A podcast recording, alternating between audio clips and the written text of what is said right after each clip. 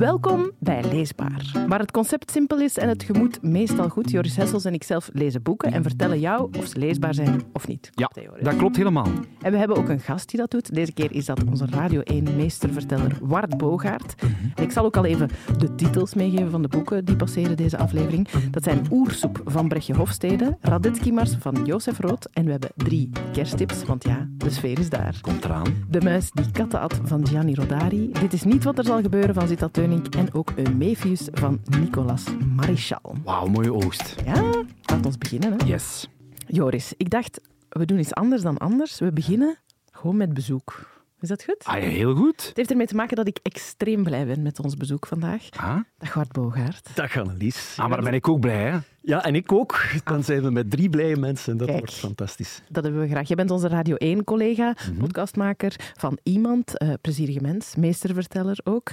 En jij houdt ongelooflijk van verhalen in, in alle vormen die er bestaan. Hoe meer, hoe liever. Ja, voilà.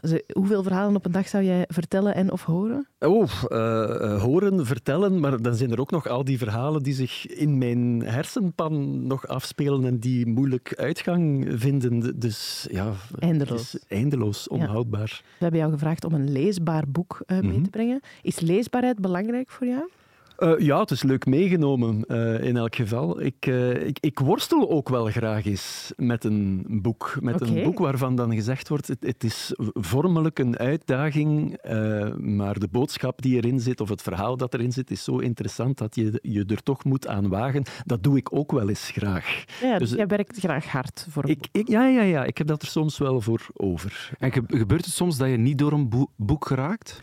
Ehm, ja, maar niettemin lees ik het dan toch nog altijd wel uit. Ah ja, oké. boek. dus... Kampioris. Ja, ja, ja, ja. Is dat ik, kampioen? Ja, Ja. Ik, ik, ik heb dat ook. eh, Ja. om, om, om toch, eh, ja, toch misschien toch nog op één zin te stoten die u eh, werkelijk omverblaast. Ja, ja. Die hoop. Je kan daarop wachten. Hè. Eh, ik, ik- ja, dat is een soort elementair respect voor het ding boek ook. Eh Annelies, ik hoop dat je het goed gehoord Ja. hebt. Respect voor de schrijver is, is het boek gewoon uitlezen. Oh ja, ik vind respect voor mezelf als lezer, vind ik dan het boek niet uitlezen als ik het eh, hopeloos vervelend begin. Ja, en, en, en dat voel ik dan ook wel hoor. Je, je voelt natuurlijk ook de druk van al die, en dan heb ik het niet over drukwerk, maar de, de psychologische druk van al die boekenruggen die jou Voilà. staan aan te staren en die zeggen van ja, maar kijk. eh, Ik heb respect voor die boeken, eh, die Ja, voilà. roepen voor hun aandacht. Nu gingen we het dus maar over één boek hebben. Ja. Ik moet zeggen, de titel op zich is al weinig eh, leesbaar, eh, want je moet goed opletten, want je hebt gekozen voor de Radetzky-mars van Ja. Joseph Roth.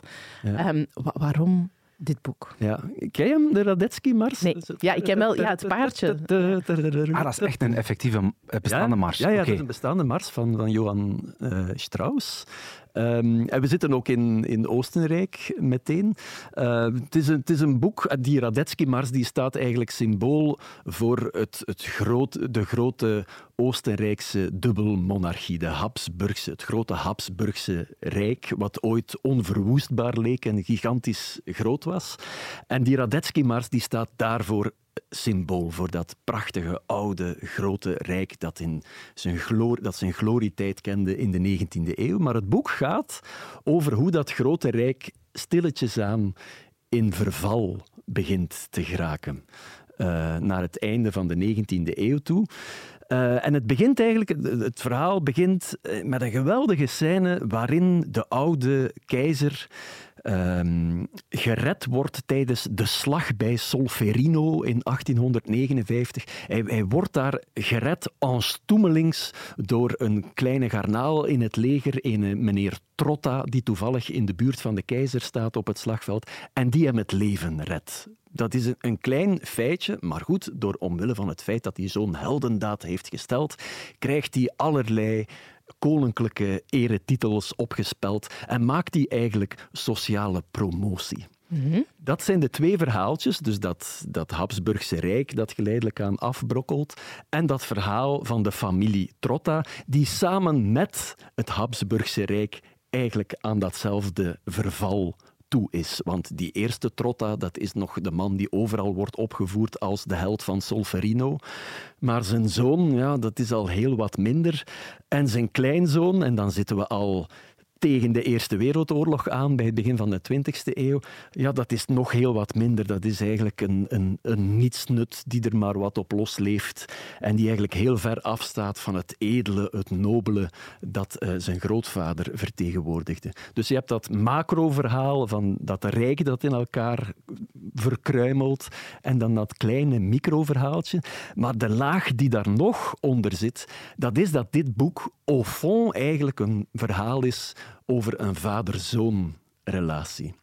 En als je het hebt over leesbaarheid, ik vind die psychologische tekening, die, ja, dat contrast in karakters tussen vader en zoon, dat is zo prachtig uitgewerkt, zo modern uitgewerkt. Ja, want van wanneer dateert het boek? Het boek dateert van uh, 1932. Oké. Dus het is meer dan 90 jaar oud. Ik verplicht mezelf er af en toe eens uh, van om een klassieker ter hand te nemen. En dan ben je wel eens bang van, ja, is dat nog leesbaar? De tand destijds. Heeft dat de tand destijds doorstaan? Dus dat is altijd een beetje, een beetje wennen. Vaak is dat wennen aan taalgebruik dat wat archaïs kan zijn.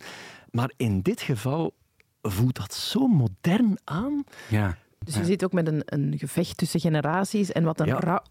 over een, een oude wereld die misschien en een nieuwe generatie die vooruit wil. Ja, en, en dat, zit, dat, dat wordt op alle mogelijke manieren symbolisch gemaakt ook. Hè. Die oude keizer die in 1859 gered wordt op het slagveld, ja, die leeft nog als de Eerste Wereldoorlog uitbreekt in 1914. Die is pas gestorven in 1916, dus dat is een periode van, van 55 jaar ja, naar de buitenwereld stabiel en vertegenwoordigd door één en diezelfde persoon, die oude man, die oude Frans Jozef. Maar je merkt natuurlijk dat daaronder nieuwe generaties ontstaan en, en nieuwe werelden ontstaan. En die wrijving tussen mensen die nog altijd zich aan dat oude vastklampen en mensen die bezig zijn met het nieuwe voor te bereiden, is zo mooi. Je moet wel wat denken aan nu ook. Ja, ja, ja, dat wordt altijd gezegd. Hè. Het, is, het is in die zin een zeer, een zeer actueel boek. Hè. Uh, en misschien dat die veranderingen die daarin beschreven worden, nu in een veel sneller tempo zich aan het ontwikkelen zijn. Hè, omdat dat we nu eenmaal zoveel sneller aan het leven zijn. Maar daar zie je het nog ja, op een, op, op een zeer leesbaar, traag tempo duidelijk gemaakt worden. Het is echt een boek ja, dat, dat, waar, waar je helemaal inkruipt. Een, een warm pleidooi om af en toe op een blauwe maandag gewoon een klassieker tot u te nemen en, en zien wat er gebeurt. Zelfs als we een onleesbare titel hebben. Ja, klopt. Ja, maar zeg eens, het valt toch mee? Nee? nee. Maar toch, als ik dat zie staan, dan denk ik... Oh, dat, dat belooft niet veel goed voor het... Ja, zo snel mogelijk de kaft omslaan. En beginnen. En beginnen. Radetzky Mars van Jozef Rood. Doen. Heel leesbaar bevonden door Wart Bogaert. Wart, dikke merci. Hè. Alsjeblieft.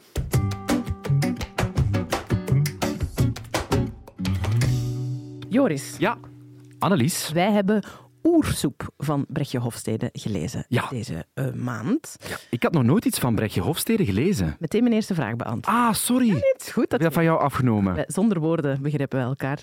Um, dus nog de eerste Brechtje Hofstede die je gelezen hebt. Ja, bij jou niet? Nee, nee, ik was grote, grote fan van Drift een paar jaar geleden. Ja. Um, ze heeft ook De Hemel boven Parijs uh, geschreven. Heel veel prijsnominaties al gehad. Ze is ook, je kan ze ook kennen als schrijfster bij De Morgen en De Correspondent. Mm -hmm. um, kan je ze ook al gelezen hebben. Uh, maar nu is er dus oersoep. Ja. Um, waar ging dit boek over voor jou? Goh, uh, een, een goede vraag. Het gaat uh, over een vrouw die verdacht veel uh, weggeeft van Brechtje Hofstede, denk ik, of vermoed ik. We zitten in het genre autofictie. Ja, klopt. En zij schrijft nogal uitvoerig over een heel belangrijk moment in haar leven, namelijk uh, de zwangerschap en de bevalling. Het, vooral het, bev het bevallen wordt heel um, driftig bijna uh, beschreven. En dan gaat het ook over ja, heel veel um, zintuiglijke trips die ze onderneemt. Ja. Ja, vind ik een goede omschrijving. Zullen we ook eens luisteren hoe ze het zelf omschreef op het boekenfeest van Radio 1? Ja. Het begint met een, een bevallingsscène. Je zit in het hoofd van een barende vrouw. En dat is nogal, uh, dat is nogal spektakel. Want je, dat maak je blijkbaar nooit mee in de literatuur. Uh, en daar, daar zijn mensen heel erg op aangegaan. En daar gaat het veel over. Oh, er is expliciete seks. Oh, wauw, oei. Um, oh, het is ook nog anale seks. Oeh. Maar uh, dat is eigenlijk niet waar ik... Dat, zijn de, dat, dat is maar het... Het vehikel. Skelet, ja. Waar ik eigenlijk over wil schrijven is meer dat het zo lastig kan zijn als mens dat je afgesloten zit in je eigen bewustzijn. Terwijl je ik denk bijna iedereen toch ergens voelt een soort tocht van hem, maar er is nog iets. Waar, waar komt dat vandaan? Er is meer. En daar wil je naar reiken en dat is moeilijk. Je reikt naar een ander die je nooit helemaal kan begrijpen. Je reikt naar uh, iets van het leven wat altijd snel weer weg is, een flits. Uh, en dat, al dat soort dingen waar moeilijk taal voor te vinden is en al helemaal geen feitelijk relaas van te maken valt. Ze legt het wel heel goed uit, hè? Ja, vind ik ook wel. Het, het, komt allemaal terug als ik het nu eh, haar hoor, hoor, vertellen. Het is eigenlijk een poging om uit dat, dat hyperbewuste, wat we toch vaak zijn in ons handelen en ons denken en ons doen. Zeker in taal. Ja, uh, daar uit proberen breken. Ja. Dat is eigenlijk wat ze probeert te doen, uh, of wat het hoofdpersonage probeert te doen in haar leven. En Brechtje Hofstede probeert daar dan woorden voor te vinden. Ja, het lijkt alsof een groot stuk van het boek is de momenten dat iemand eindelijk de controle kan loslaten en zichzelf kan verliezen in een bevalling. Je moet daarin mee. Je kan daar niet tegen vechten, want dat kind moet eruit. En het is wel zot dat ze daarover schrijft, want iedereen maakt in zijn leven minstens één bevalling mee, uh, lijkt mij. Mhm. En toch heb ik nog nooit echt over een bevalling gelezen, besefte ik wel al eens de feitelijkheden of uh, hoe kan het in zijn werk gaan en zo de technische details. Maar hier krijg je een vrouw, je krijgt eigenlijk een gedachtenstroom van een vrouw tijdens die bevalling. En dat wordt elke keer onderbroken door een W en door een A en een O. En uh, woorden die van, letterlijk van het papier vallen, want ook vormelijk uh, krijg je dat mee in het boek. En dat vond ik wel heel bijzonder om te Ja, ja, ja, ja. Je wordt er wel direct in gesmeten. En dat vond ik zeker in, in het begin van het boek. Zit je wel ja, bij die vrouw niet alleen op schoot, maar in haar hoofd en in alle, in alle krochten van haar, van, van haar hoofd en haar lijf. Het gaat ook over seksualiteit op een manier dat ik nog niet zoveel heb, heb, heb gelezen. Um, Zeker niet. Zeker niet uit de pen van een vrouw. Nee, nee. Vond ik, vond ik wel wonderlijk om, om ook de zoektocht, zoektocht in seksualiteit, in, in het voorbij de pijn gaan. Hè. Ze praat over anale seks, maar ze gaat ook over, over heel hard gepenetreerd worden, zodanig dat ze ergens in een ander gebied uitkomt dan waar er enkel pijn is, maar waar er ook een soort troost en een soort stilte is. Een soort... En dat, dat, dat, daar, daar was ik heel erg uh, in, in meegezogen. Ja, ja want het, je krijgt heel veel verschillende stukken. Je hebt die ja. bevalling, je hebt ook een brief aan een vriendin. Uh, van vroeger, iemand waar ze mee rugby speelden, die krijg je, die heel anders is van stijl. Je krijgt ook een, een drugstrip, of een aantal drugstrips, uh, op het einde van het boek. Het is wel heel wisselend. Was jij de hele tijd even erg mee met het boek? Uh, nee, moet ik ook eerlijk bekennen. Um, ik, ik merk dat ik als lezer heel erg uitgedaagd werd en dat ik plots ook naar mezelf kijk als lezer van ik heb wel, uh, wel houvast nodig om, om uh, ergens in een wereld uh, te gaan en in, in, in te duiken. En soms had ik die al vast. Als je het hebt over de brieven die ze schrijft naar, naar een, een, een mede-rugby-speelster of naar haar geliefde, de mama van haar, van, van haar, van haar kind. De papa. de papa, sorry, de papa van haar kind. Um, uh, dan, dan, dan was ik heel erg mee. Uh, vond ik haar ook wel echt heel goed geschreven um, zinnen vormen. Maar dan op een gegeven moment gaat het over een, een, een trip die ze dan, waar ze aan woorden aan geeft. En dan, ja, dan blijft het iets te veel een trip van haar en kan ik als lezer te weinig bijbenen. Ik had, maar dat is ook, denk ik, omdat het dicht bij mijn leefwereld is.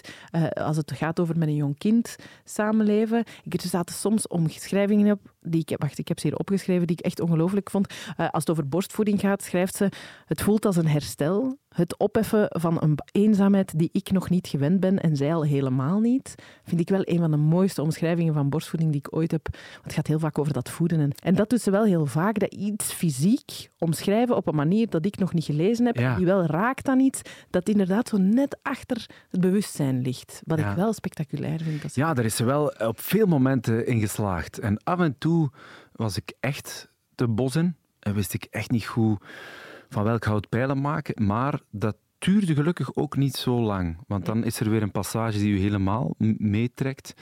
Uh, dus ik, ik, uh, ik, ik heb het niet helemaal gelost. Of ik heb haar, uh, haar stem niet helemaal gelost. En ik vind het wel echt een on- ontdekking. Want de manier waarop zij schrijft is echt uniek. En heel erg... Ja, ik kan het niet anders dan, dan... Het is ook een trip om het te lezen. Het is ook echt heel zintuigelijk. Uh, waar ik mij afvroeg, want ik heb natuurlijk, het is het eerste wat ik, hier, wat ik van haar lees, uh, is Drift. Uh, ligt dat een beetje in dezelfde lijn? Ja, maar daar heb je wel net iets meer houvast. Oké. Um, omdat je net iets meer samenhang. Hier heb je, je hebt die samenhang zit ook zo net in die categorie van net verder dan we kunnen in taal vatten. Daar, je voelt de samenhang heel erg in dit boek, vind ik, maar is niet zo expliciet. En in Drift is dat meer één verhaal. Oersoep van Brechtje Hofstede. Annelies, leesbaar Ja. of niet? Ja. Jij? Ja, maar geen volmondige ja. Maar ik ben wel enthousiast over het boek. Dus voor de genuanceerde mening eh, moet je dus luisteren. Dus Senyon, ja. ja, ja, ja, ja, zeker. zeker. Ja. Oké. Ja. Een, een Om het ontdekking. bij lijfelijk en vleeselijk te houden, zeggen we dat Zeer in die termen vandaag.